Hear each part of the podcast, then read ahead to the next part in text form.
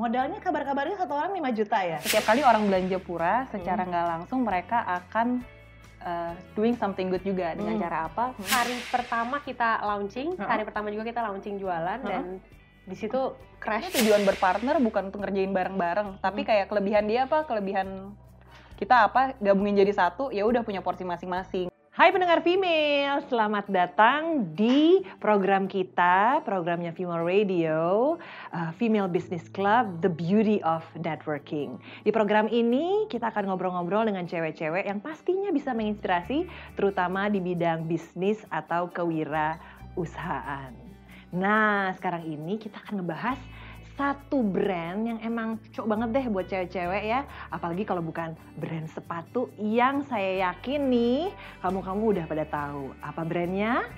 Tunggu dulu setelah ini.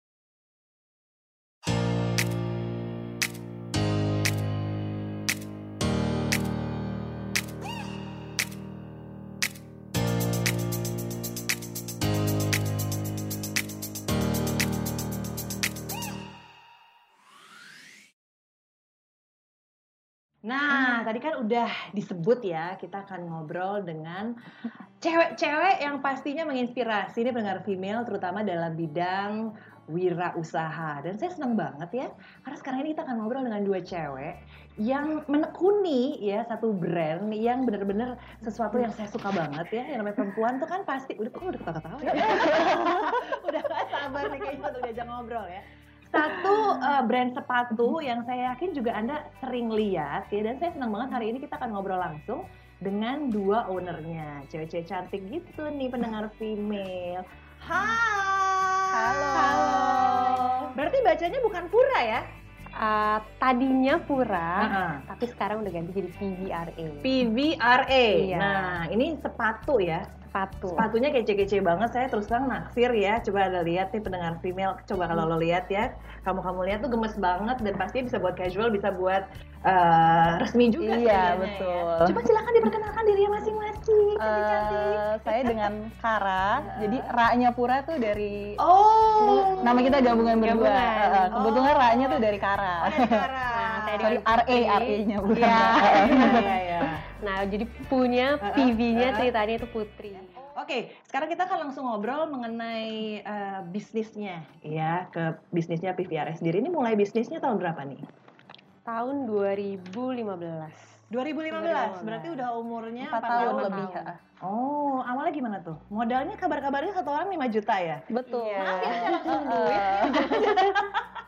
Jadi awalnya tuh kita sebenarnya kerja eh, kerja kantoran. Kerja kantoran. Heeh. Ah. Kenal emang udah lama waktu itu roommatean pas lagi Mm. kuliah. Mm-mm. Jadi kalau sama roommate kan udah tahu eh, bukan baiknya aja tapi Ah. busuknya Oh, juga kan. ya, Katanya udah. kan gitu kalau udah tinggal bareng tuh eh, kebuka lah semua kartu-kartunya yang Oh. Tadinya kita nggak tahu jadi gitu. kalian roommate gitu. roommate tadinya pas kuliah. Oh iya iya iya iya iya. Terus terus? Abis itu ya udahlah setelah kita balik dari Hmm. eh, waktu itu kita kuliah di Australia, Hmm. setelah balik ke sini kita juga kerja. Ya masing-masing kerja sendiri-sendiri lah, Hmm. cuma kan masih suka ketemu ngobrol-ngobrol. Terus one day lagi ya biasa perempuan berdua lagi nyalon. Sambil kan eh, berkeluh kesah gitu kan. Lagi curhat capek ya gini, capek ya ini gitu. Pengen deh enaknya kalau misalkan eh, punya bisnis sendiri. Waktu itu tuh lagi zamannya social media di Indonesia tuh lagi booming boomingnya Lagi banget booming deh. banget, Iya kan nah. zamannya eh, Instagram tuh eh, lagi naik banget Hmm. dan emang kayak di mana-mana di media-media tuh nge-state kalau misalkan pengguna social media Hmm. di Indonesia tuh emang gede banget Hmm, gitu. hmm, Jadi hmm. kita agak melihat itu sebenarnya sebagai peluang lah. Mm-mm. Kayak sebenarnya kita bisa ngapain ya Hmm. dengan kayak the rise of social media nih kita berdua bisa ngapain gitu. Sebenarnya enak juga ya kalau Hmm. bisa punya bisnis sendiri. Awalnya tuh dari ngobrol-ngobrol kayak gitu doang. Hmm. Terus mikir, tapi apa ya yang belum ada di di market gitu. Karena Hmm. kalau misalkan kita cuma ngekopi sesuatu yang udah Udah ada gitu ya? Heeh. Mhm. ya udah nggak akan efeknya nggak akan sebesar itulah Hmm. dan ya kita pengennya menjadi uh, pionir di sesuatu lah Hmm. gitu bukan cuman mengkopi sesuatu yang udah berhasil gitu Hmm. tapi testing something yang belum ada di market Mhm. kita mikir apa ya kalau misalkan sepatu doang kan udah banyak Mhm. jewelry juga jewelry doang juga udah banyak aku suka sepatu Putri suka jewelry Terus kita mikir oh ya udah sepatu digabungin deh iya. merger ya. Tapi waktu akhirnya lo melihat uh, sosial media tuh lagi booming di Indonesia Mm-mm. gitu ya, dan akhirnya menemukan satu produk yang belum ada di pasaran gitu. Terus memberanikan diri untuk kita bikin ini yuk. Itu kapan? Ah, apalagi kan masing-masing masih kerja waktu itu kan? Ah, itu dari pertama kita omongin sampai actually kejadian sih itu sekitar lima bulan ya. Desember tuh inget Desember banget. ya? Uh, kita launching April akhir Mei lah Mei 1 tuh kayak kita pertama kali launching collection. Karena- ya sekitar lima bulan benar. Karena begitu kita ngomongin kita langsung oke serius ya nih serius ya Hmm. serius. Terus kita langsung mulai cari-cari. Hmm. Ah, cobalah trial and error. Terus di bulan April baru akhirnya kita udah mulai produksi lengkap. Produksi di bulan Mei baru kita launching. Nah, kabar-kabarnya waktu pertama kali bikin website itu crash karena saking banyaknya yang mesen, bener nggak? Bener. benar Bener ya? Kita ya? sampai stres. Sampai stres. Iya. Awalnya kan sebelum punya website berarti bat- eh, lewat Instagram. manual sis insta ya Kita, Sis kita Insta. balasin pakai WhatsApp satu Sis, ini berapa? Nah, itu iya, tuh. iya, iya, berapa gitu dan kadang-kadang tuh kalau di Instagram kan lu udah capek-capek nulis caption kan tetap ditanya tetap ditanya Iya, emang Harus benar itu. sabar ya Sabar. Jadi sis Instagram akhirnya bikin website terus crash Iya, itu hari pertama kita launching, hari pertama juga kita launching jualan dan di situ crash karena semuanya tiba-tiba uh, ordernya ke mixed up, alamatnya ke mix, ada yang udah bayar tiba-tiba jadi belum bayar, ada yang udah ada yang belum bayar tiba-tiba udah jadi bayar. Akhirnya kita eh kita berdua masih weekend waktu itu. Kita personally satu-satu. kontakin satu-satu. Bi- bikin tim nggak sih buat social media untuk benar-benar ngehandle? Kan kan ini kan sebetulnya bisnis yang eh, apalagi mengenalkan social media butuh kesiapan tim lah istilahnya kan? Dari istilah kesiapan website dan lain sebagainya buat teknisnya. Itu kalian bikin dulu sih enggak tapi sekarang iya. Dulu sih enggak dulu dikerjain Jadi sendiri semua. semuanya jadi dari jadi bikin kaki kaki dia saya ngefoto saya ngedit caption masukin Instagram tadinya Oh, gitu jadi manual banget ya sama model yang gratisan heeh. kamera juga minjam punya suami. iya iya. pokoknya nggak ada modal deh makanya 5 juta kan ya modal iya 5 juta itu produksi eh, iya, untuk iya, ya iya, untuk iya. kebutuhan produksi. Oh jadi 5 juta itu buat produksi ya? Jadi benar-benar yang bisa dikerjain sendiri, dikerjain sendiri aja? Iya. Oke, itu berapa lama tuh sampai akhirnya hire tim? Waduh, kayaknya kita butuh tim nih. Tahun keberapa? tahun pertama ya yang udah mulai lebih solid gitu timnya udah bukan cuman tadinya adalah tapi eh, lebih ke admin Oh, lebih ke admin. Iya, satu dua orang tuh lebih ke admin, terus lebih ke bagian eh, produksi yang emang harus misalkan bikin box, ngelapin sepatu, Oh, finishing gitu ya. lebih Jadi ke arah buat, situ. Buat ke- eh, produksi. Iya, heeh. Jadi ada tim produksi, ada tim sosial media. Iya. Oke. Untuk tim produksi sendiri dari awal udah berapa orang nih? Pas awal berapa orang? yang? Awalnya kita masih satu orang. waktu Satu itu. cuma Serius? Satu Iya. orang. Banyak yang outsource juga soalnya. Banyak yang Eh, outsource. At that time masih banyak yang outsource. Kalau sekarang total-total tim udah berapa nih? Sekarang udah ada sekitar 40-an ya. Wah, 40, tepuk tangan dulu 50. dong. Hore. Dari semuanya dikerjain sendiri, akhirnya sekarang punya tim. Tapi yang menarik ini adalah sebetulnya bisnis ya berpartner cewek-cewek gitu yang awalnya temenan, terus berpartner bikin bisnis seru-seruan, apalagi hobi berdua dijadiin satu gitu ya. Tapi kalian pernah berantem nggak sih? Sering lah. Wah. Wah, Tapi lucunya sekarang nggak sesering dulu gitu. Iya. Dulu tuh waktu awal-awal. Awal-awal, iya.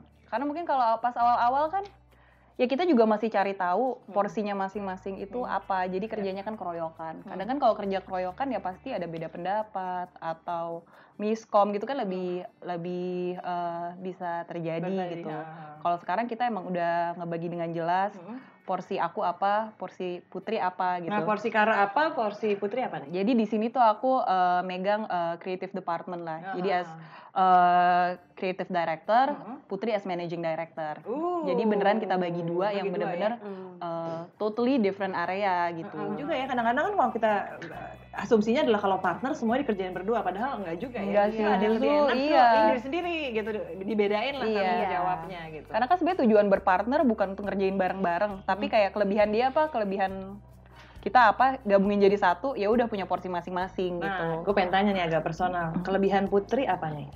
Kalau menurut Kara? Apa kelebihan dia? Nah. Duit lah yang dipikirin. Kalau aku gara-gara doyannya dagang, aku bagian maksudnya kan yang bikin foto, konsep kreatif, jadi buang-buang duit kan. Nah dia yang nyetop nih kayak. Kalau nggak mau Berarti satu mikir yang satu lebih ke logis, yang satu kreatif gitu Iya, istilahnya betul, ya. Nah, kalau dari segi desain kan Putri kan lu suka jewelry. Mm-mm. eh, lo suka sepatu. Mm-mm. Nah, desainnya sendiri gimana? Lo nggak involve soal desainnya kalau jewelry-nya? Nah, Apa jadi juga? desain itu sebenarnya kita masih ngerjain berdua. Oh gitu. Heeh, jadi dari awal emang sebenarnya kita ngerjainnya berdua kan. Mhm. Ya udah, sampai sekarang sebenarnya kita masih pengen uh, ada apa ya involvement dari emang Dari kita Dari berdua, kita berdua lah, gitu. Oh, jadi benar-benar untuk desain masih di, ya. di- Sekarang udah ada tim sebenarnya sebenarnya, tim. tapi tetap kita pengen ya touch of us lah gitu. Oh, iya. Si PBR itu masih tetap ada. Ah, Jadi ah. kita tetap sebelum desain itu naik produksi itu tetap keputusannya dari kita berdua gitu. Oh, jadi Untuk atau final decision itu Yes, berdua. masih berdua. ya. Mm-mm. Brand value-nya PVRA apa sih? Silahkan. Brand value-nya tuh sebenarnya kita ada kayak Hmm. eh, kita selalu ngomong tuh look good, feel good, do good. Oh, oke. Kayak tiga eh, tiga poin yang sebenarnya itu adalah suatu hal yang general banget lah. Ah, I believe mungkin ada kayak ratusan atau mungkin ribuan Iya. company yang value-nya itu. Tapi beda kan di cara nge-translate-nya seperti apa Mhm. gitu. Kalau misalkan di kita ya looking good, of course kita pengen orang tuh pakai produk kita jadi lebih percaya diri. Hmm. Uh, give them that self esteem yang mungkin mereka nggak temuin di tempat lain gitu. Iya, Kayaknya "Ih, iya, iya. kalau pakai pura nih walaupun gue pakai sendal cuman gue tetap ngerasa uh, keren gitu. Ah. Terus yang kedua tuh uh, feel good ya of course mereka harus ngerasa nyaman. Comfortable ya. Iya, kayak misalkan kita when we do heels tuh juga mainly biasanya block heels yang orang tuh masih eh Berarti nggak ngeluarin stiletto? Enggak. Nggak Sampai ya? sekarang belum sih, Aku, ha-ha. aku terus terang, aku juga termasuk orang yang sangat bingung ya. Kalau ada perempuan bisa killer pakai- heels Iya, gitu killer kan. heels. Heeh. You do Soalnya. look good. Iya, ya. tapi why kill yourself kan? At the end of the day refleksi aja. Bener, kan? iya. Ya. heeh. Jadi kalau di uh, pura sendiri bener-bener uh, kenyamanan juga. kenyamanan, heeh. Jadi bisa cantik tapi tetap harus nyaman Harus lah. nyaman, Itu kayak penting, aspek penting yang itu. kita pengen. Hmm. Karena kita nggak mau orang pakai sepatu kita. Kadang kan kelihatannya orang kalau jalannya sakit tuh Iya bener. kawinan gitu kan Iya. kayak aduh kayaknya udah mau jatuh gitu. Ah, Nah, ah, itu yang pengen kita uh, hindarin lah. Kita pengen orang ya comfort first gitu. Ah, Maka iya, karena kan yang kita targetin tuh bukan cuman anak-anak muda doang. Bener. Kayak kita kan anak-anak muda. eh, gue masih dibilang anak muda. Alhamdulillah ya. Tapi maksudnya juga kayak ibu-ibu, nenek-nenek Iya, semua bener-bener. yang mereka nyarinya comfort. Berbagai umur Iya, ya? berbagai umur. Karena Jadi kalau kalian kita juga mau targetnya juga bukan anak muda aja berarti dari Bukan, ya, berbagai bener. tar- eh, ini ya Iya, umur ya. heeh. Dan yang terakhir tuh tadi uh, do good. Do good itu kayaknya apa the most important part kayak Hmm. kenapa uh, menurut kita kita pengen uh, customer kita itu ya mereka repeat customer gitu. Hmm. Uh, loyal customer lah. Hmm. Jadi kita touch them uh, di hati lah, nggak cuman Itu di ya. nggak cuman di mata doang. Hmm. Sekalian nih jualan. Wah, yang ini nggak ada lagi. Ini, ini, ini. Juga nggak ada. Apa nyari nyari apa Logo nyari? hati nggak ada Oh, ya? ya nggak Logo ada. nggak ada lagi nggak Hmm. Tapi aku udah hati-hati kok ngeliat ini. Hati maksudnya. Hati ya. Lope-lope gitu. Love, kebetulan di love. beberapa ini lagi nggak ada sih produknya di sini, tapi di beberapa Ah. mestinya ada di Oh. uh, yang uh, soalnya klasik, jadi kayak classic styles kita. Uh-huh. Belakangnya tuh soalnya kan ada hatinya. Oh, ada hati kayak gitu. Oh iya iya iya. nah iya. kenapa? Karena sebenarnya ya dari awal sih pas kita ngobrol-ngobrol berdua nih pertama kali kayak mau bikin bisnis, Hmm. kita mikirnya juga bukan cuman kayak apa yang cuan ya, gitu. Hmm. nggak gitu doang gitu. Bener loh. Cuy, itu penting juga tapi kan. penting penting. It's not everything. Ah, ah, ya. Oke. Tapi kayak di samping apa yang cuan, hmm, apa yang bisa ada impact eh, bagusnya ya mungkin nggak harus gede gitu, ah. tapi at least impact sosial impact kali ya. sosial ke orang lain yang bisa. Ya jadi dengan beradanya PVRA di sini Mhm. tuh ada manfaatnya lah buat orang lain tuh kira-kira apa. Makanya kita mikirin pertama eh kayak dari segi human resource, jadi Hmm. kayak internal. Kita tuh ada di eh, kantor kita ini di program Hmm. di mana yang ngerjain si Beats Beats ini tuh adalah pengrajin-pengrajin yang kita training, Hmm. kita training sendiri. Jadi bukan kita ngambil orang nih udah jago dari mana, Oh. enggak. Kita bikin mereka program training dari sebenarnya dulu kita pertama kali punya kantor itu Hmm. belakangnya eh, pemukiman gitu ya. Iya. Jadi kantornya tuh lokasi di mana? Uh, dulu pertama di- kali banget tuh di di, Prapanca. Di Prapanca. Nah, jadi belakangnya tuh daerah Bangka kan Hmm, banyak hmm, eh, pemukiman. Hmm. Kita kantor di situ, eh, terus mungkin banyak orang yang ngeliat kayak, ini apa sih kantor nih? Yang Hmm. masuk cuma nih cewek dua aja bolak balik bolak balik. Nah, di mereka ngapain sebenarnya? sih gitu? Sama itu kita udah ada admin satu kebetulan. Nah, ya kan si admin satu kita nih suka kayak jajan ke sebelah, Ah, beli iya, apa iya. di warung gitu Iya, lah. iya, iya, iya. Akhirnya ketemu lah dengan si ibu-ibu ini pada kepo, kayak ini kantor apaan Ah. sih? Eh, oh ini bikin sepatu. Dia cerita-cerita, mereka mulai nanya kayak ada kerjaan gak sih gitu. Kayak itu mereka cerita, kayak sebenarnya tuh tadinya mereka Hmm. ya aktif juga lah. Mereka tadinya juga kerja, mungkin Hmm. sebagai apa sebagai apa. Hmm. Tapi abis itu mereka menikah, mereka punya anak. Abis itu mereka kayak nggak tahu nih anaknya udah bisa ditinggal, tapi gue bisa ngapain ya? Kayak Iya, gue udah iya, nggak tahu iya. harus nyari kerja lagi tuh mulai dari mana gitu. Akhirnya dia nanya ada kerjaan gak ya? Terus orang kita tanya ke kita, kita juga bingung kan tadinya apa ya yang Hmm. kayak karena mereka juga jujur kayak gue juga nggak tahu gue punya skill apa gitu. Hmm. Mereka bingung lah mau mulai dari mana. Akhirnya kita mikir udah dari yang simple aja. Setiap kali sepatu dateng kan harus dilapin dulu dong, Hmm. harus dibersihin supaya Dari situ, dari situ iya. Terus yang simple-simple kayak misalkan bikin box Hmm. eh, untuk nyiapin packaging kita. Awalnya tuh mulainya dari situ. Tapi sekarang abis itu kan mereka cerita ke temennya, temennya daftar juga cerita ke temennya, temennya, temennya. Lama-lama kita bingung kan, waduh masa Banyak. semuanya bikin box kayak nggak mungkin juga gitu Mulai, mulailah di Iya, masa kayak semuanya cuma ngelap-ngelap sepatu sayang banget. Jadi yang tadinya dari cuma ngelap sepatu kita ajakin kayak mau nggak belajar bikin beats. Kan sebenarnya ibu-ibu itu banyak udah punya jahit tuh bisa. Iya benar-benar. Mereka Mm. sebagai ibu rumah tangga sendiri kan sebetulnya udah Iya, ada skill jahit tuh dasarnya Ah. bisa, tapi emang harus di training. Mm. Jadi kita training mereka, ada programnya lah selama tiga bulan tuh tiga bulan Mm. tuh mereka diajarin. Ya nanti mereka eh, dari kita lihat mereka mampu apa enggak, dari mereka juga kita lihat suka nggak dengan kerjaannya apa enggak Oh. gitu. Jadi mulai dari orang-orang sekitar dulu Iya, ya. heeh. Kan sekali pertama itu pinternya adalah untuk eh, sumber daya seperti ini mereka nggak berat di ongkos. Iya, ya. betul. Udah langsung Heeh. nyampe bisa langsung belajar bisa Iya, ngerjain. heeh. Oh, that's nice. Dan ya kita sih berharapnya mereka seneng karena ya dari kayak cuma satu dua orang itu sekarang ya udah tumbuh dari Udah berapa orang jadi sekarang? puluhan orang ya Puluhan sekarang. orang, ya. hebat Jadi mereka ya. fleksibel lah, mereka bisa datang karena kan mereka juga yang punya anak, ada yang apa. Iya, iya.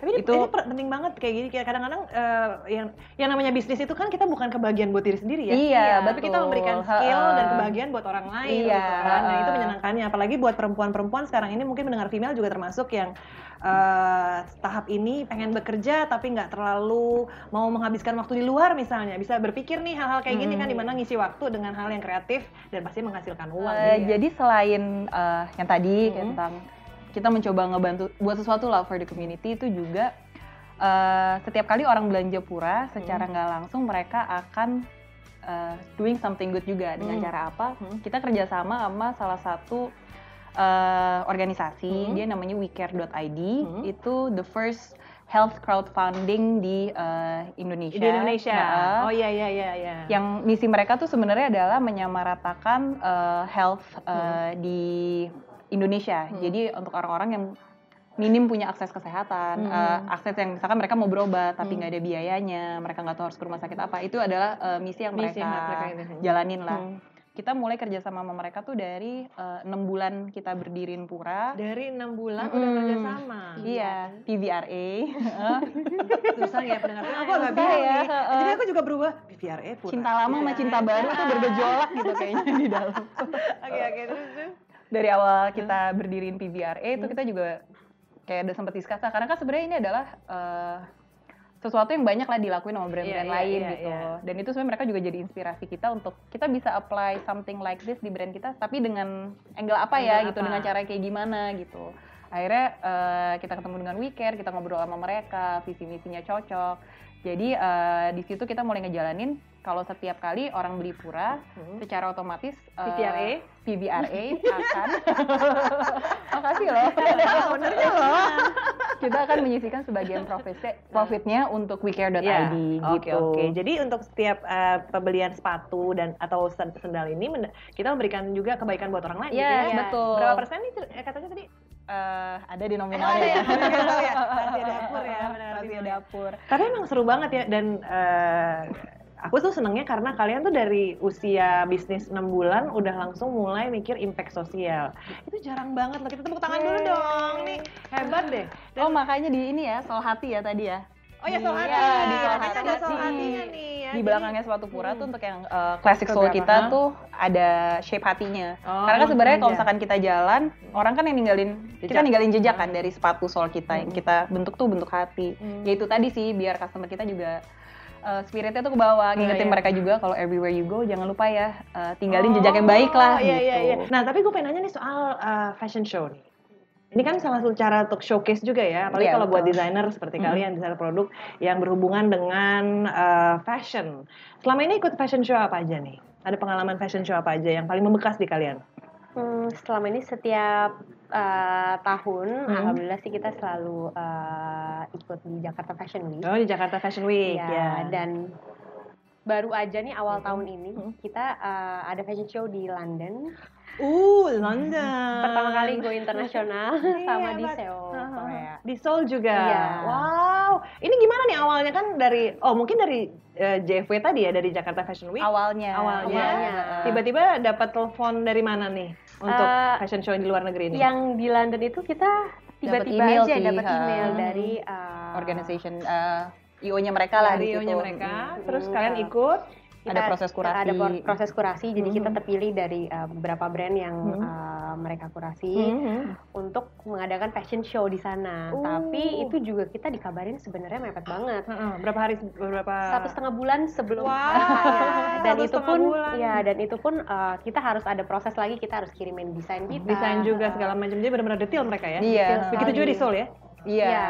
Oke oke. Ini kalau buat fashion show di luar negeri nih apa nih yang harus di prepare? Mungkin ada pendengar female juga yang mungkin baru mulai bisnis, terus, waduh gimana nih kalau mau ke luar negeri tuh ribetnya di mana? Terus serunya di mana? ribetnya Di preparasi. preparasi, sih Preparasi. karena sebenarnya itu kita mepet banget jadi Satu setengah uh, bulan tuh kalian harus nyiapin berapa desain dan berapa sepatu? kita nyiapin berapa 16 ya waktu itu ya? 16 Apa 18 ya? Lumayan Iya, banyak lumayan sih. banyak. Dan- 18 Mm-mm. desain ya? Iya. Wow. Dan itu Dan- dalam waktu satu, satu, satu setengah bulan ya? Satu Satu setengah bulan. bulan. Sampai produksi sampai jadi. sampai jadi loh Sampai jadi juga karena berarti jadinya kan nggak boleh pas mepet satu setengah Hmm. bulan Iya, ya iya, kita udah benar, berangkat benar. sekitar kayak seminggu sebelum Oh, Acaranya. acaranya Kalian gimana nih untuk ngebagi waktu ya as a business woman, women entrepreneur gitu kan? Kalian punya keluarga ya kan? Itu ngebagi waktunya gimana sih? Kayak main orkestra aja tiap hari. Gimana, gimana? Kayak main orkestra aja tiap hari.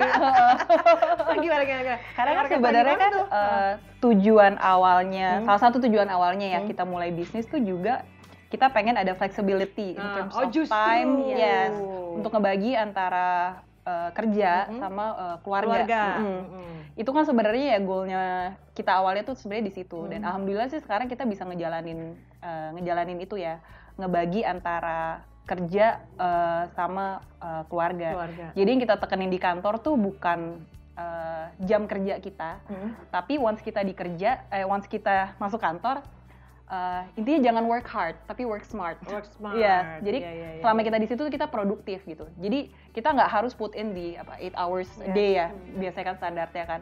Tapi at least selama misalkan kita dua jam kita datang ke Hmm. kantor, itu eh, udah kita atur sedemikian rupa supaya produktif. Oh. Jadi abis itu kalau kita mau urus keluarga atau ada Boleh. kepentingan lain itu bisa gitu. Jadi kalian tuh tipenya result oriented ya? Yes, Jadi nggak perlu harus 8 jam, berapa jam Mm-mm. kerja, Iya. tapi justru hasilnya kalau emang di- bisa dikerjain dalam waktu 3 jam, Yes, justru itu uh-uh, work smart. iya. Oh, Karena kalau misalnya kita tetap kayak gitu ya apa bedanya sama Iya, kita iya, ngantor iya. sama Benar, orang benar, kan benar. sebenarnya. Soalnya banyak yang bilang kan kalau mau mulai bisnis gitu ya, sering banget aku denger gitu dari orang-orang bisnis, aduh ternyata bisnis ini kok ternyata waktu yang kebuang jauh lebih, bukan kebuang, waktu yang kepake buat kerja jauh lebih banyak. Ternyata enggak ya? Sebenarnya iya juga Iya. sih. bedanya cuman mungkin kalau kalau misalnya karena kita bisnis sendiri Hmm. jadi kadang-kadang kita jam 9 malam pun kalau kita kepikiran sesuatu kita berdua bisa discuss Bisa gitu. discuss. Intinya dikontrol ya mungkin ya. Iya, Karena kalian yang kontrol jadinya Iya. lebih enak sebenarnya. Iya, heeh. Nah ini penting banget nih ya. Salah satu alasan banyak juga orang yang pengen mulai bisnis sendiri kan adalah mengatur manajemen waktunya lebih enak Mm-mm. karena yang ngatur kalian. Waktu pertama kali memutuskan, oke this is it, I don't want to work with anybody anymore, I want to work for myself. Itu eh, gimana tuh kapan? Dan kok kalian berani sih? Nah, ya itu sih tuh pas lagi nyalon ya. heeh. Kayak udah titik di mana mungkin apa ya? Sebenarnya waktu itu kita seneng banget dengan kerjaan kita gitu. Mungkin bisa dibilang kayak at that time tuh kita udah living the dream job. Tapi Oh, maybe not job. not the, the dream life kali. Oh. Tapi the dream job tuh mungkin iya gitu. Karena panjangnya waktu yang di, di Yes, spend uh, buat di kantor kayak the ya. commitment, kayak the stress that come with it itu kan Oh. sebenarnya uh, ya itu udah sepaket lah Hmm. sebenarnya gitu. Dan kayak pas ya pasti kan pas zamannya kuliah udah tau lah kayak gue pengen kerja ini ini. Iya, iya, iya, iya, pas iya. ngejalanin kayak yes dapet gitu keterima Hmm. seneng gitu. Cuman mungkin pas kita ngejalanin oh mungkin uh, setelah ya dulu kan kuliah belum ada keluarga belum ada apa Iya, iya, iya. pas udah udah berparalel dengan kita berkeluarga segala macam mungkin kita uh, seeking for sesuatu yang bisa lebih fleksibel Iya, ya iya, iya. Cuman kan kalau kita ngomong soal kerja kantoran misalnya ya, itu kan uangnya lebih pasti misalnya. Mm-mm. Banyak yang nggak berani kan karena wah kalau misalnya nanti bisnisnya kenapa-napa terus kita gimana gitu. Ada Hmm. nggak ketakutan kayak gitu kan? apa ya high risk high return ya ya nggak Iris, benar juga ya. Kalau kita makin takut justru nggak kejadian-kejadian. Iya, ya. nggak Jadi ya, kejadian-kejadian. let go aja gitu. tapi kita waktu itu kita um, uh, decide untuk keluar dari resign dari kerjaan kita juga setelah uh, berapa Enam bulan, ya? bulan. enam bulan Nah, enam bulan setelah enam bulan. setelah enam bulan kita launching dan kita Uh-huh. ngerasa oh ini sebenarnya uh, bisa sustain nih dan kalau Mhm. misalnya kita emang mau serius kita Mhm. emang harus put more time and effort time, ke effort ya. uh, uh, dan Jangan bisnis kita ini iya, ya. iya. kita Apa juga nunggu kok nggak langsung dari eh, dari pertama kali itu Hmm. bulan Mei 2015 Hmm. abis itu kita langsung eh, resign enggak karena kan Enggak. kita selama dari lulus lima tahun ya kita kerja tahun, ya. profesional kan dan Iya, itu kan iya, ada iya. comfort zone sebenarnya comfort zone. Hmm. jadi of course kita nunggu sampai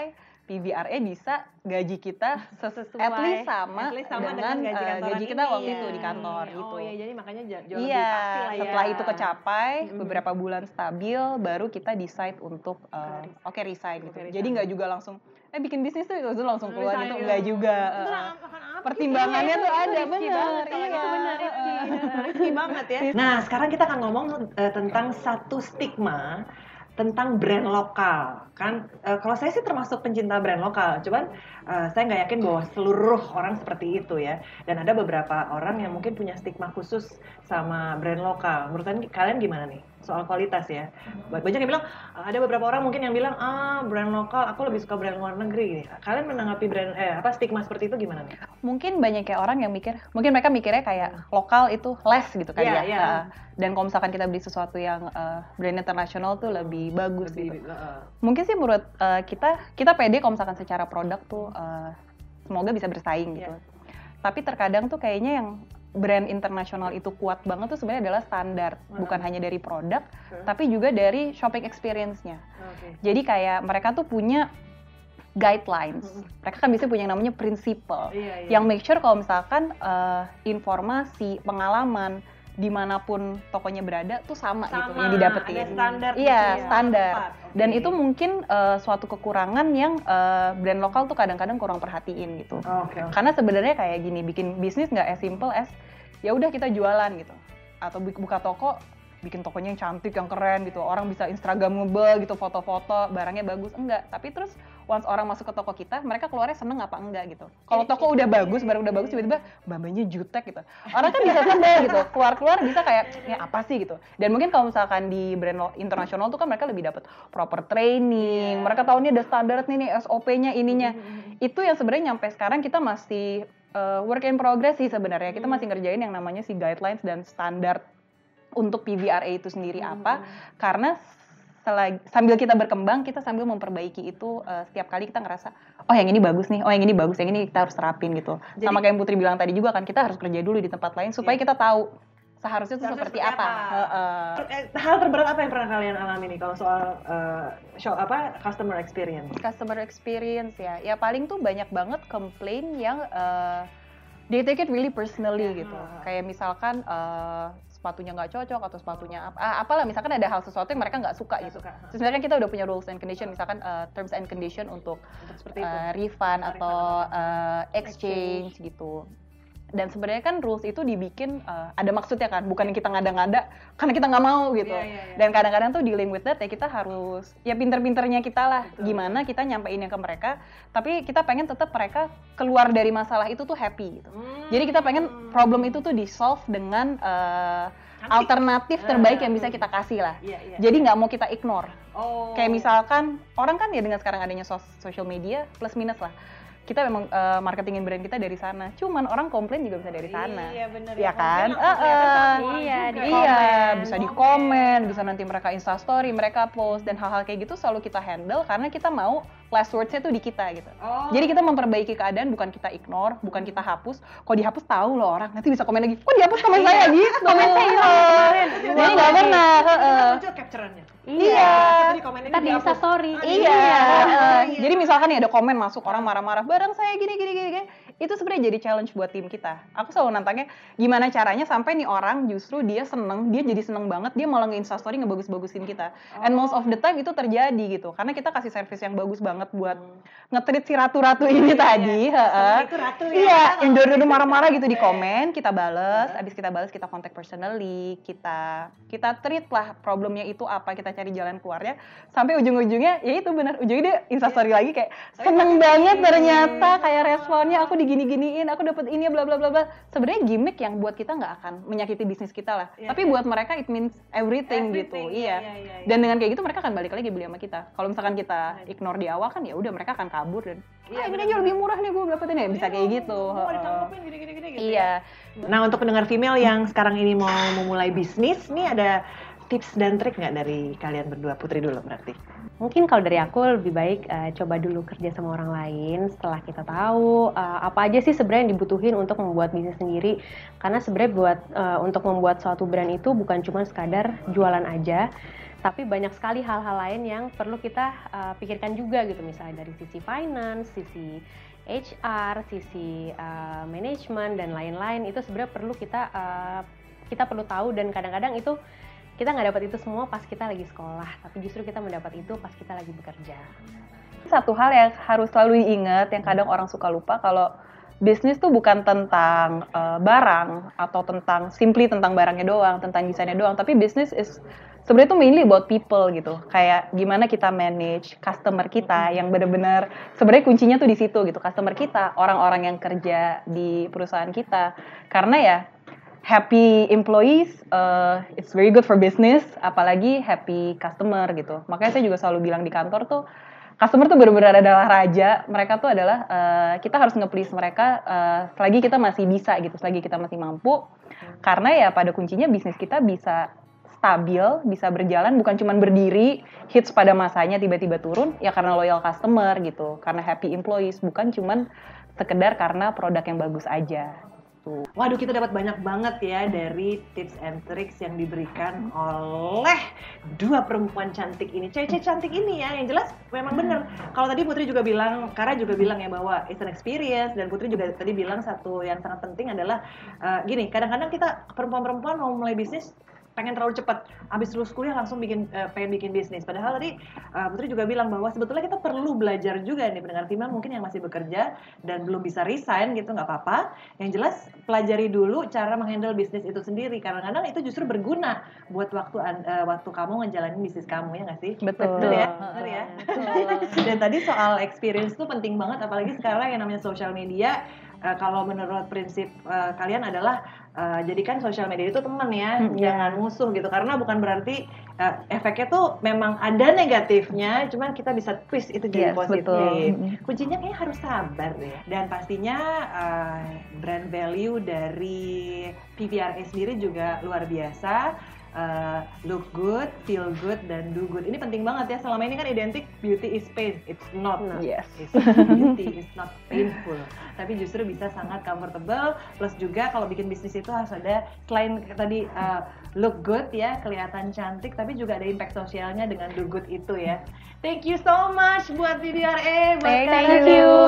Thank you. Kalian berdua tuh muda-muda cuma pikirannya maju banget deh. Bener-bener deh. Kalian dulu makan apa sih? Banyak-banyak wudhu ya, mau berdoa dikit. Wisdomnya, wisdomus, wisdomus. Wisdomus. Banget. Nah, pendengar female, thank you ya udah nonton episode kita kali ini. Jangan lupa untuk nonton terus ya episode selanjutnya di mana kita akan terus ya ngobrol-ngobrol soal bisnis bersama cewek-cewek yang pastinya menginspirasi. Jangan lupa like, share, dan subscribe YouTube channel kita, Female Radio. Jangan sampai lupa ya. Bye-bye, see you again.